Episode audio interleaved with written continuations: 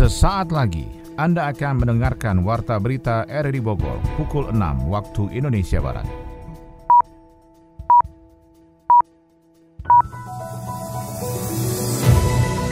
Selamat pagi dan salam jumpa. Kami hadir kembali dalam Warta Berita pagi ini, Jumat 26 Februari 2021. Siaran ini bisa juga Anda dengarkan melalui audio streaming di RRI Play pada smartphone Anda dan juga Anda bisa dengarkan di Google Podcast, Anchor, Spotify, dan Google Podtail. Warta Berita RRI Bogor juga disiarkan Radio Tegar Beriman Kabupaten Bogor, Jawa Barat. Berikut kami sampaikan berita utama. Kapolri mengeluarkan 12 surat edaran peringatan virtual police kepada akun medsos puluhan perusahaan di Kecamatan Gunung Putri, Kabupaten Bogor memiliki piutang pajak yang besar kepada pemerintah daerah. Kita sedang pendataan semua surat-surat tanah di pabrik untuk perluasan baru itu masih ada surat atas nama perorangan. Saya Melani Starto, inilah Warta Berita RRI Bogor selengkapnya.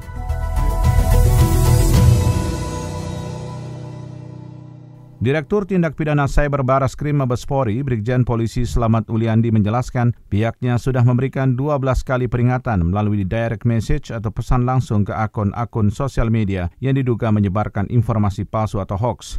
Upaya peringatan virtual itu merupakan bagian dari sistem kerja virtual polis dalam menangani kasus pelanggaran Undang-Undang ITE. Brigjen Slamet di Jakarta mengatakan tanggal 24 Februari 2021 lalu dikirimkan melalui direct message sebanyak 12 peringatan virtual polis kepada akun medsos dan dijelaskan juga bahwa dalam rangka menindaklanjuti surat edaran Kapolri Jenderal Polisi Listio Sigit Prabowo tentang kesadaran budaya etika untuk mewujudkan ruang digital Indonesia yang bersih, sehat, produktif, dalam surat edaran itu, Kapolri meminta agar penanganan kasus pelanggaran Undang-Undang ITE lebih mengedepankan upaya restoratif justice.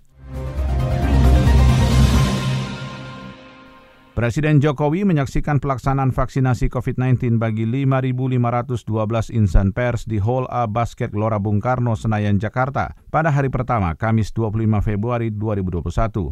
Dari jumlah penerima vaksin itu, 512 di antaranya adalah peserta yang mendaftar saat Hari Pers Nasional 2021.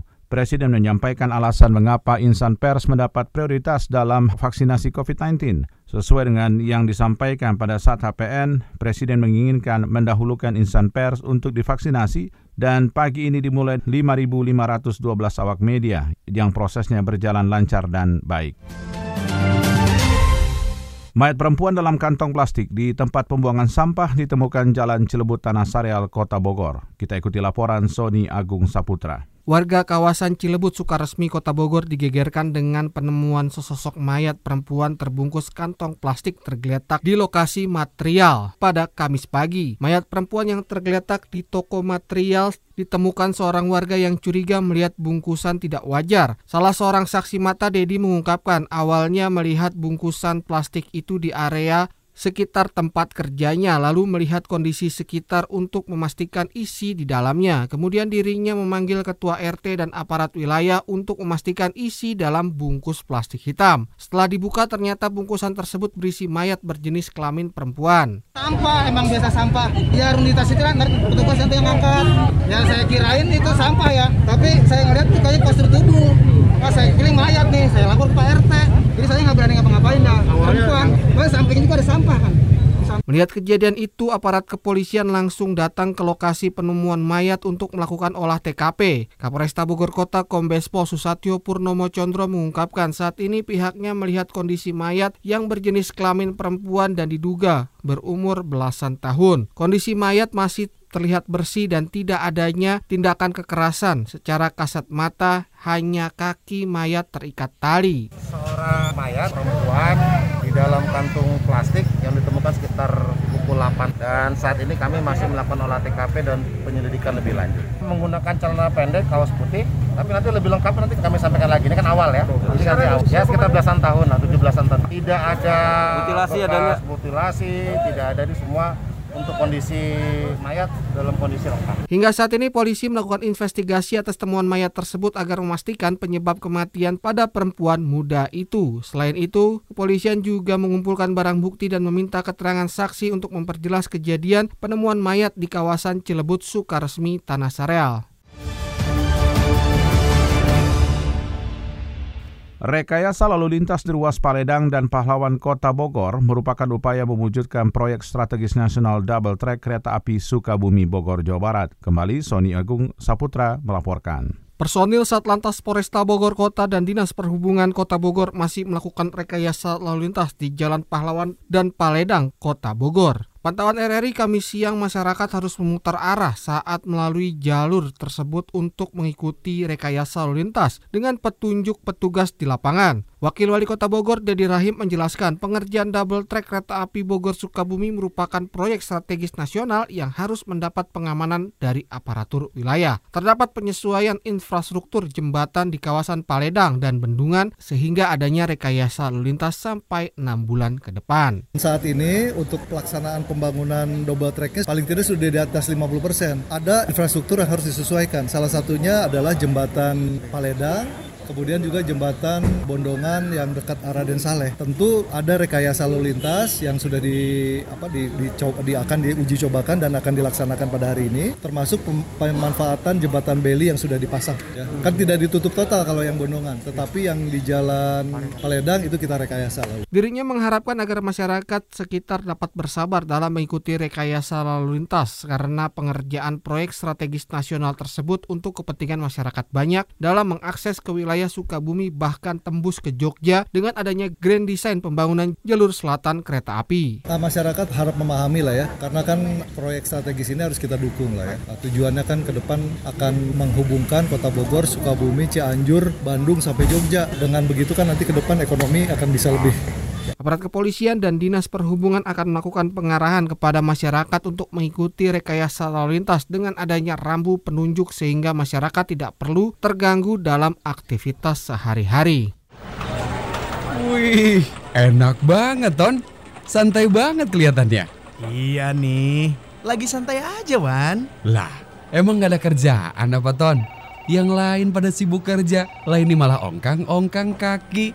Nggak malu apa? Sudah pasti ada lah kerjaan sih. Tapi ya santai aja lah.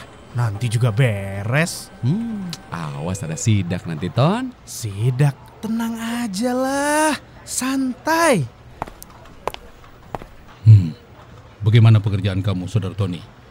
Sudah selesai? Eh, ba Bapak, uh, belum Pak, dikit lagi Pak. Deadline harus diperhatikan, Tony. Yang lain sibuk, kamu malah santai. Tidak malu kamu. I iya pak, ya siap, siap pak. Tolong segera ya. S siap pak, siap, siap, beres, beres. Emang enak, Ton.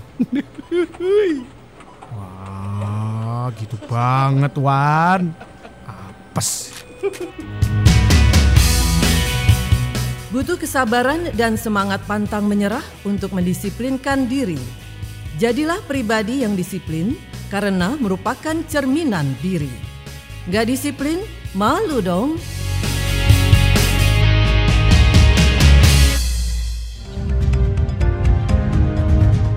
Anda tengah mendengarkan Warta Berita RRI Bogor.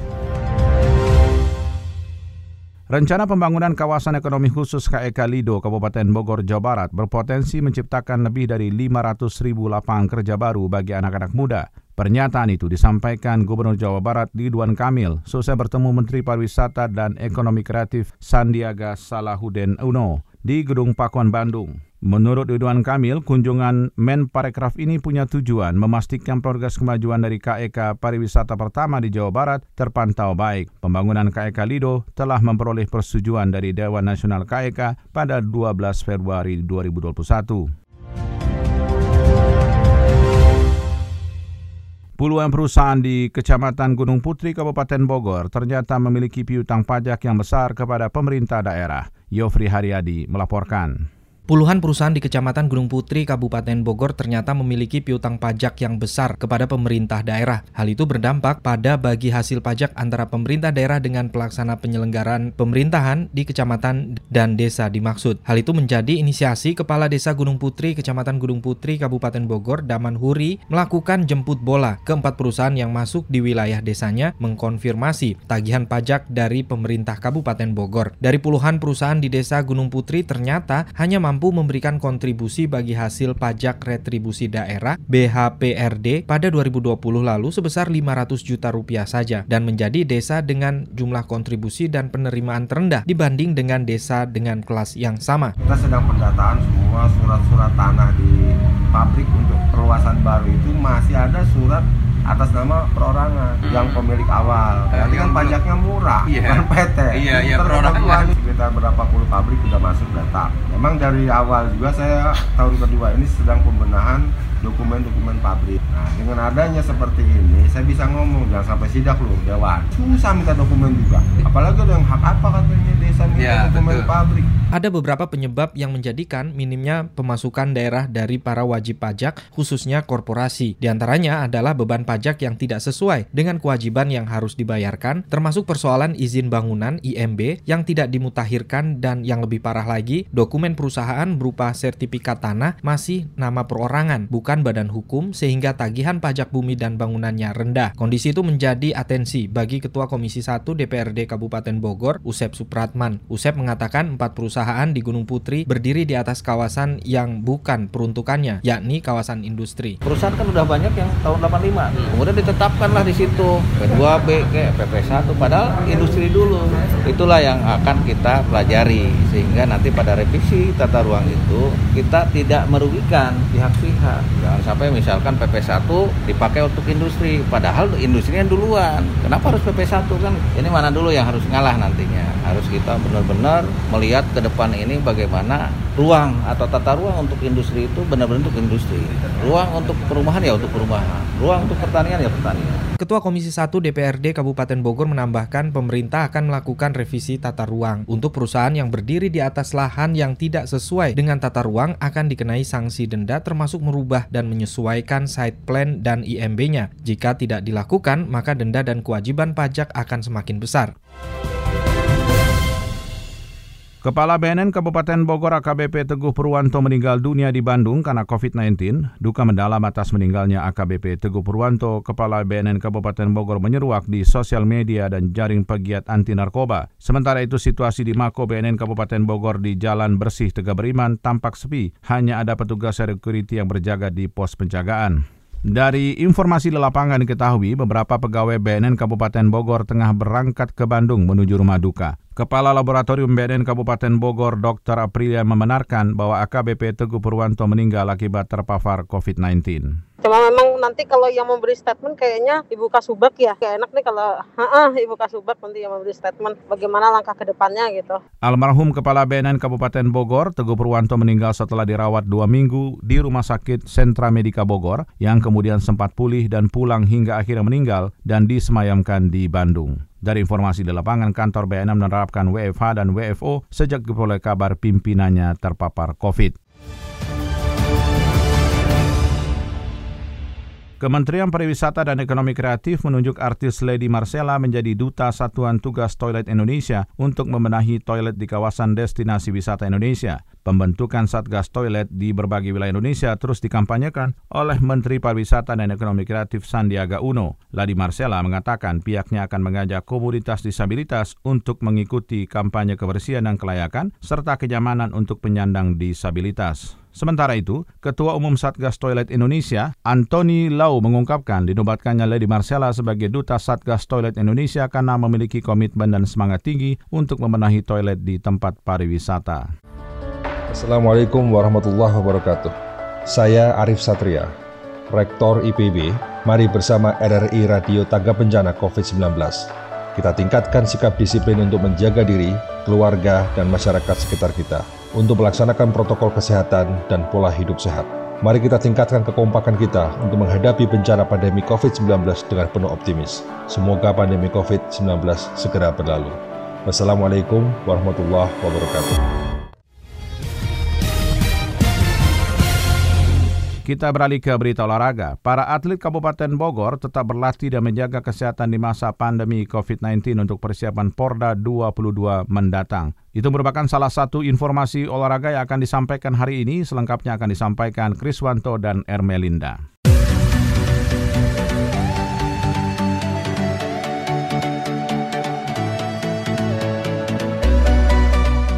Olahraga merupakan aktivitas yang bermanfaat untuk menjaga stamina dan kesehatan tubuh. Aktivitas ini dapat juga menjadi hiburan bagi yang melakukannya. Namun di masa pandemi ini masyarakat yang biasanya berolahraga bersama dapat menjalaninya secara terbatas. Tetap berolahraga di rumah adalah cara terbaik untuk sehat dan tidak terpapar COVID-19.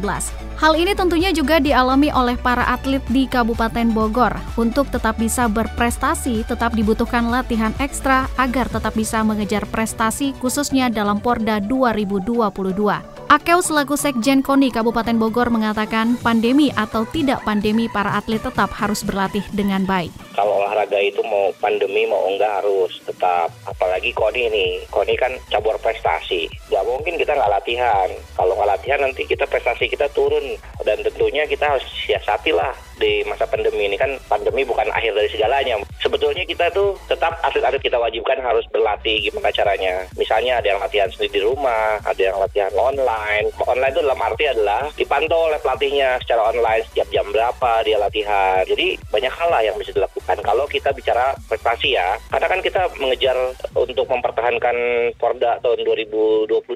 Kalau kita lengah, kita kalah. KONI Kabupaten Bogor tetap melakukan latihan dengan mengikuti protokol kesehatan seperti beberapa cabur yang dilakukan dengan tatap muka ataupun secara daring. Juga disampaikan agenda ke depan, KONI Kabupaten Bogor akan melaksanakan pertandingan dari cabang e-sport yang akan memperebutkan Piala Bupati dan dilaksanakan pada bulan Maret mendatang.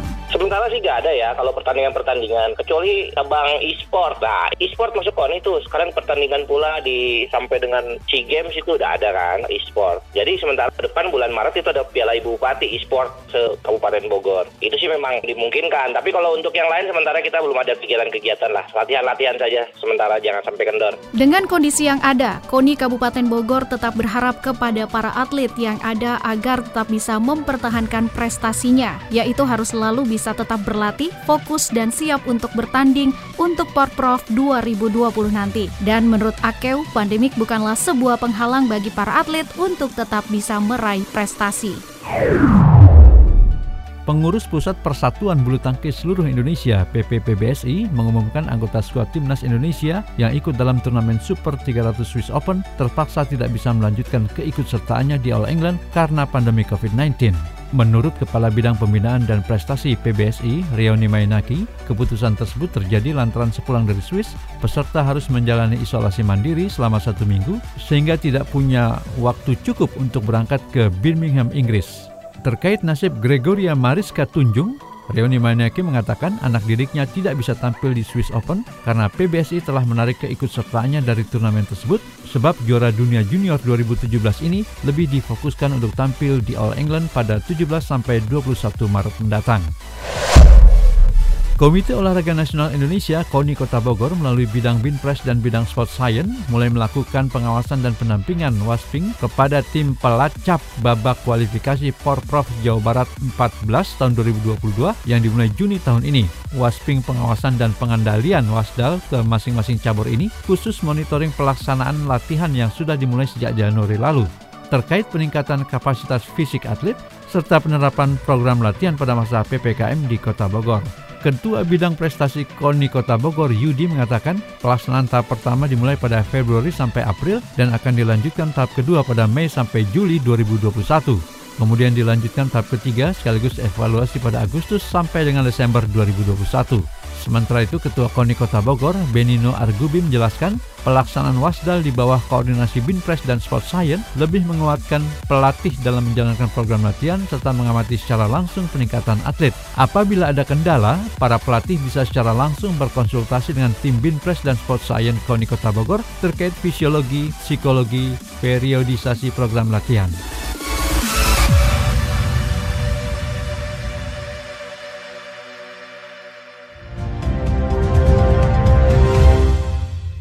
Metode kultur jaringan tanaman hias dapat menjadi potensi bisnis yang menjanjikan bagi masyarakat di pandemi COVID-19 saat ini. Berikut Adi Fajar melaporkan. Banyak kegiatan yang dapat dilakukan masyarakat selama masa pandemi, salah satunya ialah memelihara tanaman hias. Tanaman hias menjadi primadona sebab peminatnya semakin banyak yang membuat harganya melambung tinggi. Beragam metode dapat dilakukan masyarakat untuk memelihara tanaman hiasnya agar terawat dengan baik, salah satunya dengan metode kultur jaringan. Salah seorang peneliti dan petani tanaman hias Kota Bogor, Deborah Herlina menjelaskan, metode kultur jaringan mempermudah pembuahan tunas tanaman hias menjadi lebih banyak dengan waktu yang lebih singkat. Proses penggandaan tunas dilakukan menggunakan wadah botol dengan mengisolasi bagian tanaman dan seluruh prosesnya dilakukan secara steril. Kultur jaringan itu cara memperbanyak tanaman dengan sistem in vitro, artinya dalam lingkungan steril untuk mendapatkan tanaman dalam jumlah banyak dalam waktu lebih singkat dibanding dengan tanaman perbanyakan konvensional. Keuntungannya itu ya memperbanyaknya dalam jumlah cepat. Kalau misalnya satu tanaman, kalau potong konvensional itu kan dapatnya ya ujung nanti pangkal itu akan tumbuh satu atau dua tunas kalau memperbanyak kultur jaringan itu mungkin satu tunas ujung atau tunas samping itu dari satu pucuk dalam jangka waktu tertentu bisa mungkin ribuan, mungkin ratusan. Metode ini dikatakan Herlina dapat diterapkan pada skala rumah tangga. Namun begitu, masyarakat harus mempelajari dan mempraktekannya secara rutin untuk menghasilkan tanaman hias yang berkualitas. Jaringan itu perlu teknik khusus. Orang harus belajar. Kalau sudah belajar pun harus berpengalaman. Kalau semuanya itu belajar ya bisa siapa pun. Tapi perlu alat, belajar. Membudidayakan tanaman hias dengan teknik kultur jaringan juga mampu menjadi peluang bisnis menjanjikan bagi masyarakat untuk menunjang kesejahteraan. Prinsipnya di masa pandemi saat ini, masyarakat harus berani berinovasi dan melihat peluang bisnis, khususnya pada bidang tanaman hias. Saya Dede dari Tanah Sareal. Saya hobi memelihara tanaman hias, ada aglonema, alokasia, philodendron. Itu saya suka karena ketika tanamannya subur, sehat, tuh bisa mengurangi tingkat stres. Seninya itu bisa bikin senang kalau tanaman-tanamannya itu mulai bertunas, banyak anak-anaknya. Jadi kita ngerasa kayak berhasil merawatnya. Saya Basit, tinggal di Cilebut. Saya hobi tanaman hias, yaitu karena pandemi itu. Daripada kita nggak bisa ke mana-mana, ya pelampiasannya itu tanaman. Saya Ayu dari Kedung Badak. Saya hobi pelihara tanaman hias sejak awal-awal pandemi sih. Awalnya di rumah saya itu cuma ada janda bolong sama antorium. Terus selama saya pelihara sih ya nggak sulit. Asalkan kita rajin, nyiram, biar nggak layu. Ya seneng aja gitu ngeliat tanaman hias yang ijo-ijo ada di rumah.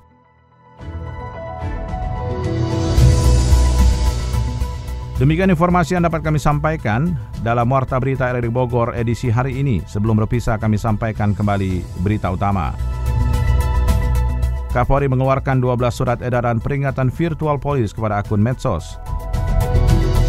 Puluhan perusahaan di Kecamatan Gunung Putri Kabupaten Bogor ternyata memiliki piutang pajak yang besar kepada pemerintah daerah. Saya Maulana Isnarto, mewakili kerabat kerja bertugas mengucapkan terima kasih atas perhatian Anda. Selamat pagi dan sampai jumpa.